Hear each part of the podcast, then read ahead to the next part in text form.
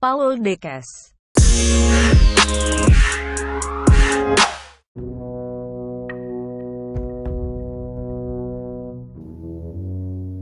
Ya, kali ini saya akan membahas tentang konflik sosial. Ya, dan konflik sosial ini menjadi salah satu materi yang uh, klasik ya atau grounded theory. Kalian udah pernah membahas tentang grounded theory. Jadi grounded theory adalah teori dasar. Jadi dalam sosiologi itu ada beberapa uh, grand theory ya atau grounded theory. Pertama ada interaksi sosial, kemudian ada konflik sosial, perubahan sosial, tindakan sosial, fakta sosial. Nah, itu adalah termasuk dalam grounded theory atau grand theory juga sama. Nah, nah teori ini memang berkaitan dengan dua belah pihak konflik ya. Konflik berarti ada dua belah pihak yang mereka saling menentang lawan. Bisa jadi contohnya adalah yang kita bahas perang ya, perang-perang yang terjadi di Indonesia maupun yang ada di uh, dunia. Nah, di sini kalian akan banyak sekali membaca ya, membaca perang-perang yang ada di sana. Baik di Indonesia nanti saya kasih sampel artikelnya. Kemudian kalian juga harus banyak menggali, mengeksplor tentang konflik-konflik yang ada di uh, dunia Oke, kita harus pahami dulu ya bahwa konflik itu adalah sebuah teori di mana teori ini pernah diungkapkan oleh tokoh-tokoh sosiologi. Makanya tidak tidak heran bahwa banyak sekali teori konflik yang disampaikan oleh sosiolog. Nah, yang paling klasik memang ada Karl Marx, Max Weber, Emil Durkheim ya itu dia termasuk yang mencetuskan teori-teori konflik kemudian ada Rahda Hendorf dan yang lainnya. Nah, pertama adalah yang mencetuskan teori konflik ini Karl Marx. Nah, kita tahu bahwa Karl Marx ini adalah nabinya komunis.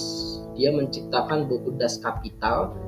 Das Kapital ini adalah buku wajibnya orang-orang komunis ya. Jadi eh, orang-orang komunis ini dia membaca ini. Kemudian di dalam teorinya dia tentang konflik, juga tertuang dalam buku Das Kapital tersebut. Dia mengatakan kepada buruh, kaum buruh, kalian harus melakukan perjuangan kelas. Yang tadinya kalian kelas proletariat paling bawah dan kalian harus menghapus kelas yang paling atas di atas kalian yaitu adalah orang-orang borjuis. Proletar berarti adalah buruh, borjuis itu adalah orang-orang pengusaha yang memiliki alat-alat produksi Nah, sehingga nggak heran bahwa sampai sekarang itu konflik antara buruh dengan pengusaha, majikan dengan budak itu selalu terjadi. Nah, sebenarnya bukan gara-gara Karl Marx, memang sejatinya pasti akan seperti itu antara penindas dan orang yang ditindas. Mereka akan melakukan yang namanya konflik. Nah, dia e, memberikan motivasi kepada orang-orang buruh sehingga orang-orang buruh ini bangkit kemudian melakukan perjuangan kelas, menghapus kelas borjuis. Nah, jadi pada saat itu di Jerman, di Eropa, ya banyak sekali orang-orang yang memiliki klasifikasi sosial, kelas sosial. Wah, kamu orang proletar nih, kamu orang borjuis. Nah, sama kayak gitu, kamu orang kaya, orang miskin. Istilah Indonesia seperti itu. Ya, akhirnya memunculkan sebuah teori konflik. Nah, kemudian Max Weber Setelahnya itu ada muncul teori yang membahas konflik juga berasal dari Max Weber. Nah, Max Weber ini melakukan kontak, jadi seolah-olah eh, ada nyambungnya gitu. Makanya dalam sosiologi itu disebut sebagai teori kumulatif pada saat kelas 10. Jadi teori tersebut itu akan melakukan pendalaman diperbaharui. Jadi seolah teori konflik yang pernah dicetuskan oleh Karl Marx itu bisa didefinisikan ulang oleh tokoh yang lain dengan kasus yang berbeda. Nah, dalam hal ini dia mengatakan bahwa kata Max Weber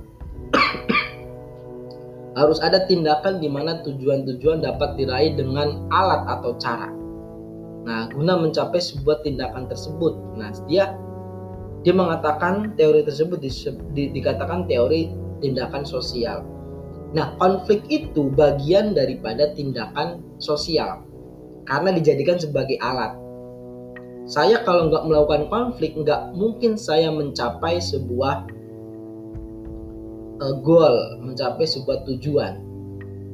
Nah, jadi Max Weber dia seolah-olah berdialog, tapi dia nggak nggak berdialog langsung ya, karena beda beda tahun, beda zaman, tapi dia berdialog dalam buku bahwa nggak hanya ada perjuangan antar proletar dengan borjuis, tapi juga ada di sini di mana konflik itu terjadi sebagai alat. Alat yang digunakan oleh seseorang, pihak tertentu atau negara untuk mencapai tujuannya. Nah, ini udah jelas sekali di situ ya. nah, kemudian muncul lagi Emil Durkheim. Nah, Emil Durkheim ini dia semacam berdialog juga dengan dua tokoh sebelumnya seperti Karl Marx dan Max Weber. Kemudian Durkheim juga mengatakan bahwa e, eh, gue melihat pada fakta sosial ya, ada fakta tadi kan tindakannya terhadap kasus bunuh diri akibat lemahnya individu dalam tekanan struktur fungsional hingga muncul suatu tindakan yang anomi. Nah, di sini Emil Durkheim dia kan mengatakan tentang fakta sosial Nah, apa yang terjadi pada hal konflik? Jadi yang terjadi dalam hal konflik itu adalah ketika seseorang atau bagian masyarakat merasa tidak cocok dengan nilai-nilai yang ada di masyarakat. Saya punya ide, saya punya gagasan, tapi nilai-nilainya tidak mendukung.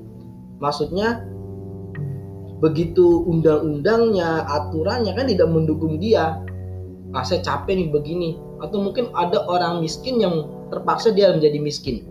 Atau ada golongan tertentu, masyarakat tertentu yang sepertinya itu tidak akan pernah bisa berubah kalau dia ada di struktur fungsional yang ada di situ. Atau mungkin bisa dikatakan ada etnis yang dia tinggal dalam satu negara, tapi dalam negara tersebut dis diskriminasi, tidak terlalu diprioritaskan. Di Indonesia ada, di negara lain ada, ya. Nah, kemudian yang modern ada Louis Kosser. Nah, Louis Kosser ini adalah orang-orang zaman sekarang. Jadi mereka udah pada meninggal, maksudnya om-om itu yang Emil Durkheim, Karl Marx, dan Max Weber, mereka udah pada meninggal. Dia munculkan teori konflik yang baru. Di sini dia mengatakan konflik justru memunculkan penguatan solidaritas kelompok dan integrasi antar kelompok. Yang mana maknanya dari Lewis Kosser itu adalah teori konflik ini adalah positif. Nah, kenapa? Karena justru akan memuncul, memunculkan solidaritas kelompok dalam pihak yang berkonflik. Gara-gara konflik ini, kemudian kelompok sosial tersebut akan saling memperkuat, menguatkan. Dan ini bisa dicontohkan sebagai Indonesia ketika terjajah Nah, jadi Indonesia mengalami penguatan kelompok sosial karena apa? Memiliki musuh bersama, yaitu adalah kolonialisme. nah, terakhir adalah Lah Dahrendorf. Lah Dahrendorf ini adalah tokoh postmodern, artinya yang hidup zaman sekarang dia masih hidup artinya ya. Nah, Nah, taraf Dahendorf ini dia mendefinisikan konflik, tapi dia berasumsi dari pemikiran Karl Marx. Jadi kan Karl Marx dia mengatakan ada dua kelas ya, proletar dan bourgeois. Nah, tapi di abad 19 yang dia maksud adalah sekarang muncul kelas menengah, middle class dalam struktur fungsional dan dia mengutip pemikiran dari Emil Durkheim di mana ada dekomposisi modal dan dekomposisi tenaga kerja. Apa yang dimaksud dekomposisi modal? Di mana dalam setiap perusahaan itu ada investor-investor lain yang bukan dari majikan atau pemiliknya. Kan ada perusahaan milik keluarga ya, perusahaan milik keluarga, tapi ada perusahaan yang dimiliki oleh orang banyak yang dia melakukan pasar modal Nah, di, kemudian ada dekomposisi tenaga kerja, artinya di level atas kemudian ada level tengahnya, yaitu disebut sebagai manajer. Kan ada CEO, kemudian di bawahnya ada manajer atau direktur tertentu. Nah, baru di bawahnya adalah para karyawan. Nah, itu di komposisi tenaga kerja itu adalah untuk uh, apa namanya mengurangi gap antar majikan dan buruh. Nah, kalau dulu tuh majikan buruh langsung. Sekarang banyak manajer apa, kepala bidang apa. Jadi kalau konflik tuh mereka ke atas dulu. Maunya di atasnya dia dikit, nggak langsung ke atasnya banget. Nah, ini adalah yang dimaksud pemikiran daripada Ralph Dahrendorf. Nah, jadi setelah kita memahami tokoh-tokoh tadi dari beberapa tokoh tadi dari konflik itu banyak sekali dibahas sama sosiolog ya. Nah, jadi kalau kalian mau mendefinisikan konflik bisa aja. Apa definisi konflik menurut kalian? Nah, itu bisa aja kalian melakukan definisi tentang teori konflik. jadi intinya bahwa di sini apa yang disampaikan oleh tokoh-tokoh tadi konflik itu adalah berarti sebuah tindakan yang saling memukul atau menciderai. Ya, walaupun tidak semua konflik dapat dikatakan sebagai kekerasan. Nanti kita akan singgung kekerasan sebentar di slide ini. nah, berarti artinya secara sosiologis konflik dapat diartikan sebagai suatu proses sosial. Betul, ini bagian daripada proses interaksi sosial disosiatif waktu kita belajar kelas 10 kan. Nah, di mana salah satu pihak berusaha menyingkirkan pihak lain dengan menghancurkan atau membuatnya tidak berdaya. Nah, jadi dalam hal ini konflik sosial berarti dia dia atau mereka atau salah satu pihak ini punya sebuah tujuan yang disampaikan oleh Max Weber dia tindakan dia adalah konflik. Dia tujuannya apa? Maka dengan cara konflik ini dia akan mencapai sebuah tujuan. Caranya apa? Mengalahkan pihak yang tadi yang tidak kita tidak sesuai. Lah ini yang terdekat ada dalam dalam cinta gitu ya, kedekatan cinta gitu kan. Kemudian laki-laki, wah ini pihak ketiga ada laki-laki lain gimana caranya saya tuh mencuri perhatian seorang wanita. Nah, otomatis kan ada sebuah konflik dong antara laki ini. Nah, atau mungkin antara perempuan merebutkan laki-laki bisa jadi. Bisa jadi. Jadi konflik sosial adalah bentuk interaksi sosial ya yang mengarah kepada perpecahan sehingga dalam hal ini e, mengalahkan atau menentukan pihak lain. Oke, kita bahas dulu konflik dan kekerasan ya sebentar ya. Nah, konflik dan kekerasan ini ada perbedaan. Konflik tadi udah kita bahas ya. Intinya adalah secara general definitif umumnya adalah memenuhi tujuan dengan jalan menentang pihak lawan. Nah, kekerasan ini bisa disebut bagian daripada konflik. Nah, kalau ada konflik yang menuju kekerasan, apakah juga disebut sebagai konflik? Iya. Kalau misalkan ada konflik tanpa kekerasan, itu disebut konflik nggak? Iya. Nah, cuman konflik kalau sudah mengarah pada kekerasan, di mana dia ada definisi menyebabkan cedera atau matinya orang lain atau menyebabkan kerusakan fisik atau barang hilang. Nah, kalau saya katakan dari berita yang beredar yang saya paham, saya baca, hampir setiap konflik mengandung kekerasan. Pak, kalau konflik nggak ada kekerasan, contohnya apa? Ya perang dingin, perang di media, itu juga bisa disebut sebagai konflik ya perang dingin perang media nah itu juga bisa disebut sebagai konflik. Nah jadi kita harus pahami dasarnya di situ. Jadi kalau misalnya ditanya apa bedanya? Nah perbedaannya adalah kalau kekerasan dia adanya korban atau cedera. Nah sedangkan kalau apa namanya konflik tidak semuanya berbau kekerasan. Tapi yang saya baca berdasarkan pengalaman berita-berita yang ada berarti mayoritas konflik harus apa ada mengandung unsur kekerasan. Oke, nanti saya lanjutin lagi materinya karena terbentur waktu ya.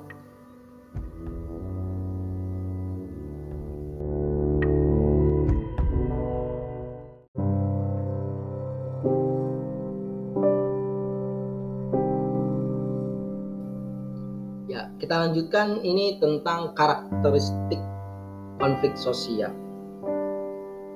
Karakteristik konflik sosial ini ada beberapa bagian. Berarti kalau karakteristik berarti kita bicara tentang ciri-ciri. nah, yang pertama adalah bersifat inherent. Ini ada di buku ibu kalian ya. Di buku ibu kalian tentang karakteristik konflik. Yang pertama adalah konflik ini berciri-ciri bahwa inherent itu tidak pernah terpisahkan oleh masyarakat. Di dalam masyarakat pasti ada konflik. Tidak ada masyarakat yang tidak pernah mengalami konflik dalam sejarahnya. Kalau dalam hidup konflik mungkin bisa tidak ada kalau umurnya sebentar, tapi kalau dalam masyarakat pasti ada konflik. Nah, jadi inherent dalam hal ini berarti konflik itu tidak bisa dihindari. Tidak ada masyarakat yang dalam hal ini yang bisa mencegah, ah saya ingin tidak ada konflik. Tidak ada. Pasti akan menimbulkan konflik. Cepat atau lambat, besar atau kecil akan terjadi sebuah konflik. Nah, dalam hal ini konflik juga dapat dikelola. Artinya dikelola itu uh, ini ada lagi ada konflik nih gimana cara cepat selesai, gimana biar tidak merugikan, bahkan sampai gimana caranya tidak menimbulkan sebuah kekerasan. Nah, bahkan dalam konflik ini juga memang bisa dikelola menjadi konflik yang sifatnya positif. Nah, jadi yang pertama harus kalian pahami bahwa konflik bersifat inherent berarti konflik ini ada dalam masyarakat. Tapi konflik dapat dikelola. Tadi kelola berarti bisa bersifat positif. Nah, Ciri yang selanjutnya adalah tidak selamanya berdampak negatif. Artinya, konflik yang berskala ringan, konflik yang konstruktif, nanti kita akan bahas konflik konstruktif. Jadi konflik konstruktif itu adalah ketika konflik yang memang dilakukan dengan cara atau bertujuan membangun. Ya, awalnya memang akan dianggap sebagai konflik, kekerasan. Nah, tapi kita tahu nih karakteristik konfliknya nih konstruktif atau destruktif. Jadi kalau konstruktif ini kayaknya sifatnya membangun nih untuk kemajuan bangsa, untuk kemajuan orang banyak. Bahkan tokoh-tokoh aja kalau misalkan ah ini konflik bagus nih, itu akan disengaja dibiarin. Bahkan termasuk aparat TNI yang aparat TNI atau polisi jika tahu ini adalah konflik mengarah kepada konstruktif, dia seolah-olah ya udahlah yang penting jangan ada sampai ada penjarahan dan yang lainnya bagi saya begitu mengamati sebuah konflik. Ya jadi konflik-konflik yang terjadi selama hidup saya uh, memang saya nggak nggak nggak nggak banyak ya. Maksudnya dari saya katakan dari usia kuliah ketika saya mendapatkan materi konflik ini saya selalu mengamati konflik dalam sudut pandang sosiologi. Entah itu ada demo ada aksi ada separatisme dan yang lainnya. Saya baca beritanya dan saya hubungkan dengan teori konflik Kenapa seolah-olah tuh ada konflik yang memang dibiarkan? Karena memang tidak selamanya konflik itu negatif. Kok pemerintah diem aja sih? Kok ini diem aja? Kok diem aja? Nah kalau bagi saya memang benar teori ada yang memang uh, di, di, digunakan. Tadi kita nanti kita bahas ke depannya. Selanjutnya adalah karakteristik konflik adalah potensi perbedaan dapat dikurangi. Nah, jadi di sini tidak mungkin dihindari dari interaksi sosial, tapi dapat diatasi dengan mengurangi potensi perbedaan. Perbedaan yang ada itu kita harus wujudkan dalam bentuk toleransi, kemudian multikulturalisme, pluralisme. Karena apa perbedaan tadi akan menjadi penyebab konflik jadi perbedaan yang tadi tuh yang dijadikan sebagai penyebab dapat kita kurangi dengan cara multikulturalisme, pluralisme. Nah, salah satunya ini adalah cara untuk mengurangi perbedaan. Jadi kalau misalkan di sekolah kita ada perbedaan, ini ya gimana caranya kita menyikapi oh iya ternyata kita banyak perbedaan loh di sini. Dan ternyata orang yang, yang saya anggap itu berbeda ternyata orangnya baik Nah, kita kemarin kan membahas tentang multikulturalisme, jadi akhirnya nyambunglah dengan teori ini. Nah, kemudian dilatar belakangi oleh perbedaan ciri. Dalam setiap konflik itu pasti ada perbedaan ciri, latar belakang yang berbeda. Nah, latar belakang yang berbeda ini gara-gara kemajemukan tadi. Nah, sehingga penanganan konflik harusnya diawali dengan ditegakkannya nilai-nilai hubungan sosial yang luhur misalnya kayak bersikap toleransi, saling menghargai, pluralisme. Nah, kemudian dalam hal ini perbedaan yang tadi seperti perbedaan agama, perbedaan suku. Nah, kita harus pahami suku A, B, C punya karakter nilai yang berbeda-beda. Saya pengen bangun rumah di wilayah Kalimantan di Dayak. Nah, kamu bukan orang asli sana, tapi orang tua di sana, tapi kamu besar di Jakarta atau di Bekasi tiba-tiba punya duit triliunan bangun di sana dan itu nggak ngeliat daerah di sana itu ternyata daerah-daerah memang harus dijaga sama orang-orang daya. Nah jadi kalau harus paham tuh perbedaan-perbedaan orang sana misalkan kayak jangan asal gusur, jangan asal bangun rumah segala macam takutnya menyinggung warga setempat walaupun kalian punya kekuasaan. Nah dengan cara pluralisme toleransi dan yang lainnya itu bisa meminimalisir konflik. Jadi konflik dalam hal ini uh, dilatar belakangi sebuah perbedaan ciri. Jadi cirinya apa tadi? Agama dan yang lain. Nah, konflik dalam hal ini juga dapat menciptakan perubahan, pasti. Hasil dari konflik akan menciptakan sebuah perubahan. Itu pasti. Perubahannya yang seperti apa? Lain lagi, konfliknya apa dulu ya oke kalau perang dunia kedua di mana Jepang itu dihancurkan dijatuhi bom atom itu mengalami perubahan? Ya mengalami perubahan. Jadi setiap perang atau setiap konflik yang terjadi pasti akan menimbulkan perubahan. Nah perubahannya apa? Tergantung jenis konfliknya dan biasanya bisa mengarah kepada hal-hal yang lebih baru lagi. Jadi kalau sumber daya atau pemimpinnya yang berkonflik itu bisa bangkit, maka negara tersebut bisa cepat bangkit. Ya, makanya sumber daya itu e, menjadi sumber daya manusia menjadi hal yang paling vital ya. Pak Indonesia sekarang lagi konflik gak? Ya kalau saya katakan ya dalam analisa saya Indonesia maupun negara lain sedang konflik melawan virus. Andai kata nih kalau saya bikin film Skyfi ya. film Skyfi Indonesia sedang mengalami perang dengan makhluk lain. Entah itu alien atau apa kita analogi karena saya kebanyakan nonton TV yang aneh-aneh juga ya. Nah, ceritanya Indonesia mengalami konflik dengan dengan apa namanya virus makhluk lain. Andai kata Indonesia ketika dilawan atau kemudian diserang hasilnya adalah kalah Indonesia, dan pemimpin Indonesia tidak bisa bangkit, orang-orang sumber dayanya tidak bisa bangkit, tidak cakap, yang terjadi apa? Punah. Benar nggak?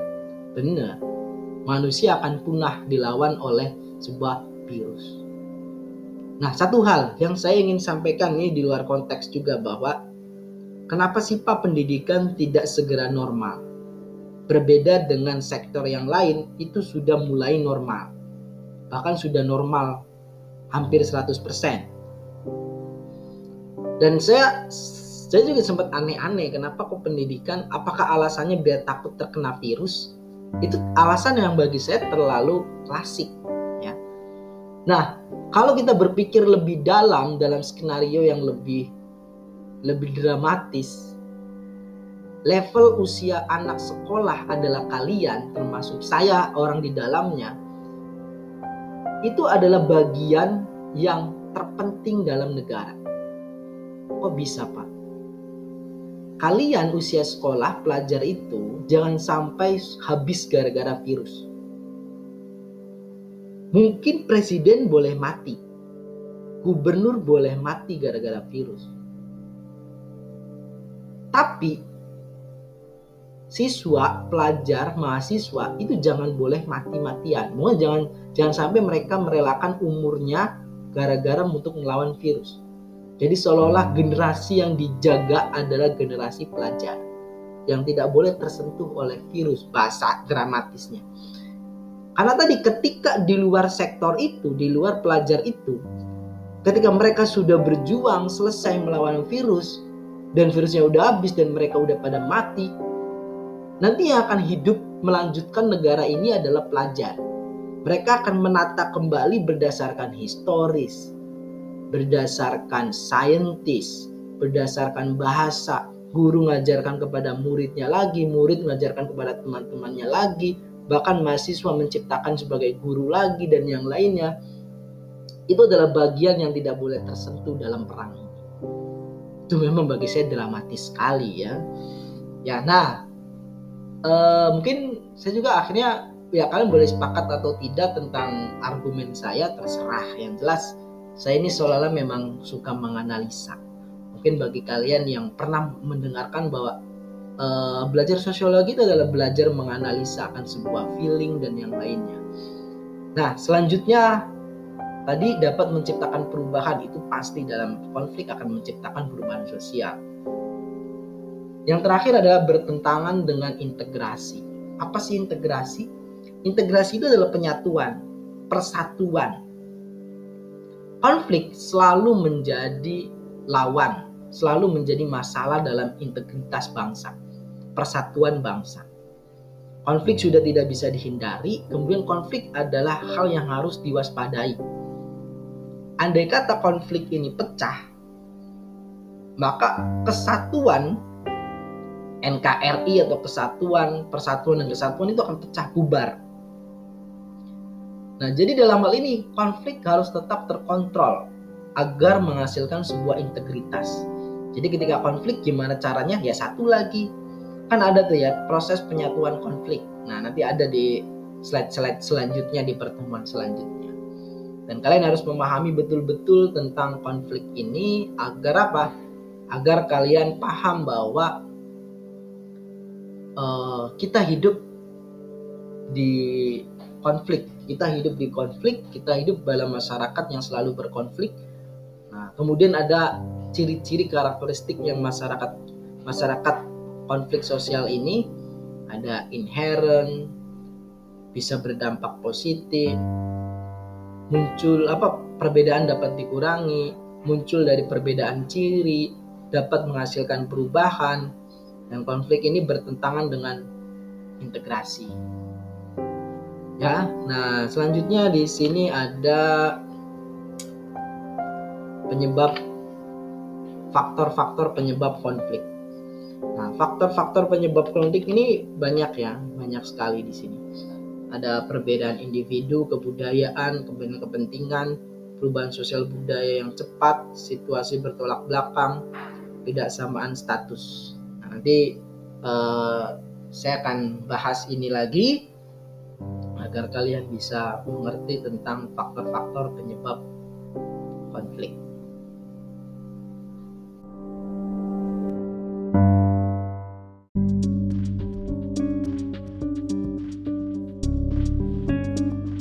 Faktor-faktor penyebab konflik. Saya akan membahas faktor-faktor yang menyebabkan konflik. Yang pertama adalah perbedaan individu. Perbedaan individu ini adalah berarti adanya konflik personal. Pelakunya adalah satu orang. Jadi konflik antar satu orang, perorangan ya. Nah, background masalahnya bisa macam-macam tergantung latar belakangnya apa. Kalau latar belakangnya agama bisa. Latar belakangnya adalah politik kepentingan tertentu bisa. Nah tapi kalau misalnya individu ini merembet ke kelompok berarti dia didefinisikan sebagai konflik antar kelompok. Pelaku yang terlibat adalah kelompok dengan kelompok. Jadi sebenarnya definisi yang pertama ini atau faktor penyebab yang pertama ini itu lebih umum sekali ya. Lebih umum sekali ketimbang uh, faktor-faktor yang lain. Ini hanya berkaca atau melihat berdasarkan pelakunya. Yang kedua adalah perbedaan kebudayaan. Pihak-pihak yang berkonflik ini melakukan konflik karena kebudayaan mereka berbeda-beda. Nah, banyak sekali kasus di Indonesia yang konflik karena kebudayaan. Misalnya dalam hal ini antara orang Sambas dengan orang Madura, Dayak Madura kan dulu sebutnya Dayak Madura. Nah, mereka berkonflik gara-gara perbedaan kebudayaan. Nah, budaya orang Kalimantan, budaya orang Dayak tuh dia sangat menjaga lingkungannya. Nah, tapi budaya orang Madura itu dia berpikir bahwa e, selagi ada peluang di situ dia akan menggunakan potensi bahkan bisa jadi bawa terkesan bagi orang Dayak merusak alam. Selanjutnya adalah perbedaan kepentingan. Nah, kalau perbedaan kepentingan biasanya dia punya tujuan tertentu secara komersil, ekonomi, secara politik. Nah, kalau kepentingan dilihat dari pelakunya bisa individu, bisa kelompok juga. Nah, tapi di sini kepentingan dia punya tujuan yang jelas nih. Dia melakukan konflik untuk apa? Misalnya kan ada penggusuran ya. Nah, penggusuran apartemen dan yang lainnya. Jelas itu ada kepentingan di dalamnya. Bukan karena eh, kebudayaan, bukan ya lihat faktor-faktornya kita harus telusuri ke belakang nih konflik gara-gara apa dulu kemudian ada perubahan sosial budaya yang cepat nah ini juga bisa menyebabkan konflik perubahan sosial budaya yang cepat ini ketika budaya mengalami perubahan yang sangat cepat masyarakat nggak siap nah itu bisa menyebabkan konflik apa contohnya perubahan sosial budaya yang cepat Nah, contohnya di sini adalah ketika munculnya online ya, apa namanya? ojek online, aplikasi online. Nah, itu bisa memicu konflik antar uh, ojek pengkolan dengan ojek online atau taksi ya, taksi dengan uh, apa taksi online dengan taksi yang konvensional dulu. Kalau sekarang mah semuanya udah mengikuti online semua. Nah, itu ada perubahan sosial yang cepat. Nah, selanjutnya adalah situasi yang bertolak belakang. Jadi adanya latar belakang yang berbeda. Ya, latar belakang yang berbeda kemudian e, memicu sebuah konflik. Situasi yang bertolak belakang ini juga disebabkan oleh ekonomi bisa ya, disebabkan oleh ekonomi misalnya kayak kecemburuan Nah, kecemburuan ini juga bisa dia dijadikan sebagai penyebab konflik antara kaya dan miskin atau kesenjangan sosial. Nah, sehingga seolah-olah eh, orang miskin, orang kaya itu dia punya punya latar belakang yang berbeda sehingga tidak bisa juga digabungkan. Nah, itu adalah menjadi salah satu penyebab konflik. Selanjutnya adalah ketidaksamaan status. Nah, ketidaksamaan status dalam hal ini bisa juga termasuk dalam kategori penyebab konflik. Nah, apa Pak biasanya yang membedakan status? Nah, yang membedakan status ini adalah derajat. Kan status sosial kan didapat ada dia yang ascribe, assign, achieve. Nah, kalau misalkan status yang didapat ini melalui ascribe, berarti orang keraton, orang golongan ningrat berbeda dengan orang-orang rakyat biasa.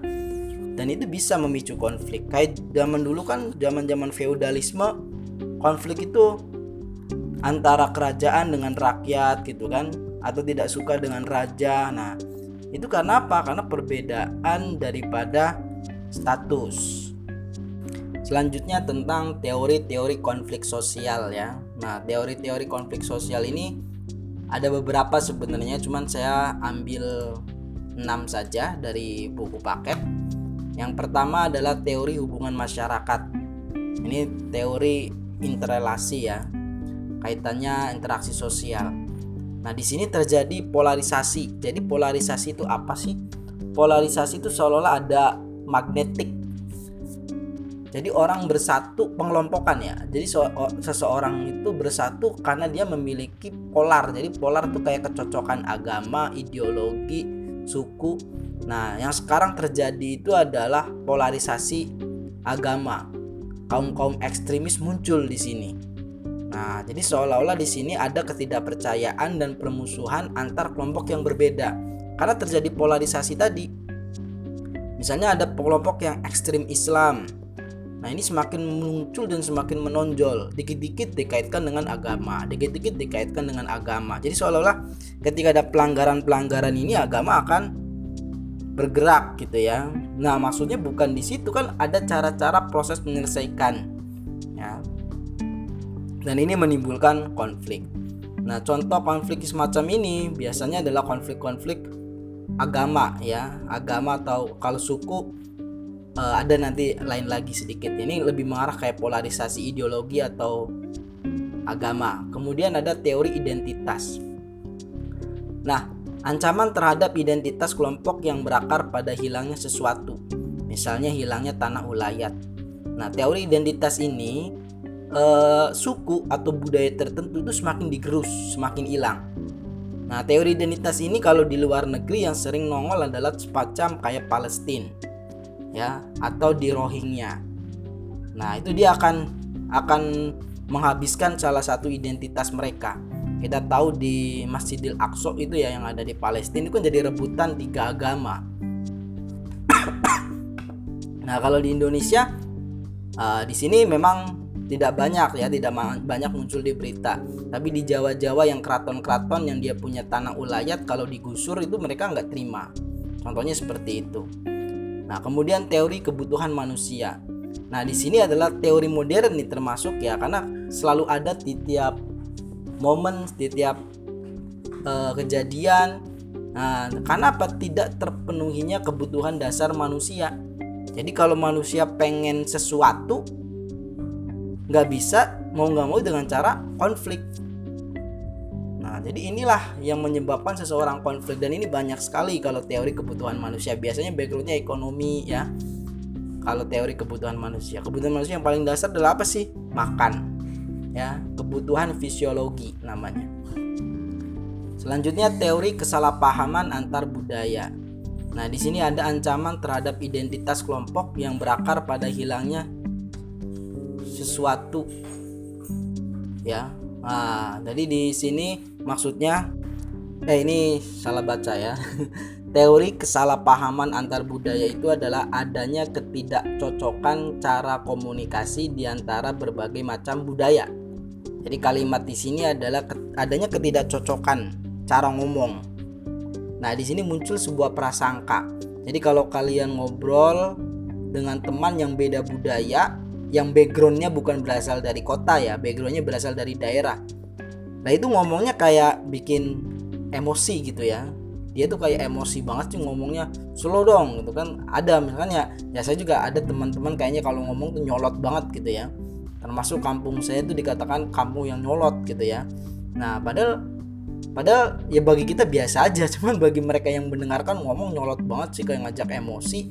Ya mungkin sebenarnya itu bawaan atau memang kulturistik ya kulturistik nah ini gara-gara kesalahpahaman antar budaya tidak cocokan cara komunikasi sehingga muncul prasangka-prasangka. Ya selanjutnya adalah teori permainan. Nah dua pihak atau lebih menggunakan strategi untuk mengalahkan pihak lawan. Nah jadi kalau teori permainan ini eh, arahnya lebih ke politik ya. Menjatuhkan lawan dengan cara strateginya adalah konflik. Kalau misalnya kita punya tujuan ya udah strateginya adalah konflik sosial. Coba manas-manasin. Dan ini termasuk dalam teori modern maksudnya yang sampai sekarang juga sering digunakan. Nah, untuk untuk negara-negara juga bisa dia menggunakan teori permainan ini. Ya kayak perang-perang yang sekarang masih terjadi ya yang ada di Timur Tengah itu adalah teori permainan. Cuman kan kita harus dicek ya uh, latar belakang sesungguhnya apa? Apakah gara-gara minyak gara-gara uh, dominasi ekonomi. Nah seperti yang terjadi di Laut Cina Selatan Cina Amerika Serikat dan beberapa negara yang ada di sini juga uh, bisa jadi itu menggunakan teori permainan strategi untuk mengalahkan pihak lawan. Terakhir teori psikodinamika. Adanya ketidaksesuaian antara ide dengan nilai-nilai keadaan masyarakat. Nah kalau psikodinamika ini ada nilai-nilai atau ide yang berasal dari masyarakat yang tidak sesuai. Nah, sehingga teori ini muncul sebuah gerakan separatis. Jadi kalau separatisme-separatisme ini adalah ya ini sehingga muncul sebuah konflik sosial. Misalnya kayak yang ada di Papua, Papua Merdeka ini tidak masuk pada psikodinamika. Nah, dari apa yang sudah saya sampaikan, dari faktor penyebab konflik, kemudian teori-teori konflik sosial, nah itu sebenarnya satu kesatuan yang tidak boleh dilepas ya. Nah, kalau ini yang apa yang saya sampaikan pada episode ini, eh, kalau sekalian pahami bahwa ketika ada salah satu konflik yang harus dihubungkan adalah faktornya, dan teori konfliknya. Nah, ini akan menjadi sebuah agenda besar kalian. Jadi akan ada eh, apa namanya saya sebut analisa ya. Analisa tentang eh, konflik yang terjadi. Nah, jadi kalian harus mengamati konflik-konflik yang terjadi. Nah, sehingga kalian susun dalam bentuk analisis. Ini faktornya apa? Kemudian eh, teori konfliknya apa? Nah, selanjutnya memang ada bentuk-bentuk konflik. Saya akan sampaikan berikutnya adalah tentang bentuk-bentuk konflik ya.